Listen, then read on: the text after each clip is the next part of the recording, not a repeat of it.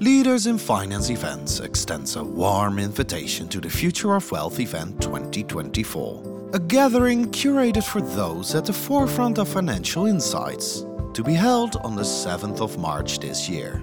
Join moderator Marije Tolsma-Groen and Yuri Bender, editor-in-chief of PWM, as they engage in insightful interviews with experts in wealth management, wealth tech, digitalization, sustainable finance and pensions. Featured guests include Choy van der Hooft, board member and CCO Wealth Management at ABN AMRO, Karin van Baardwijk, CEO at Robeco, Edmund Shing, Global Chief Investment Officer at BNP Paribas Wealth Management, Arnaud Denis, CEO at MeDirect, Frank Koster, CEO at Insinger Gilissen, and many more.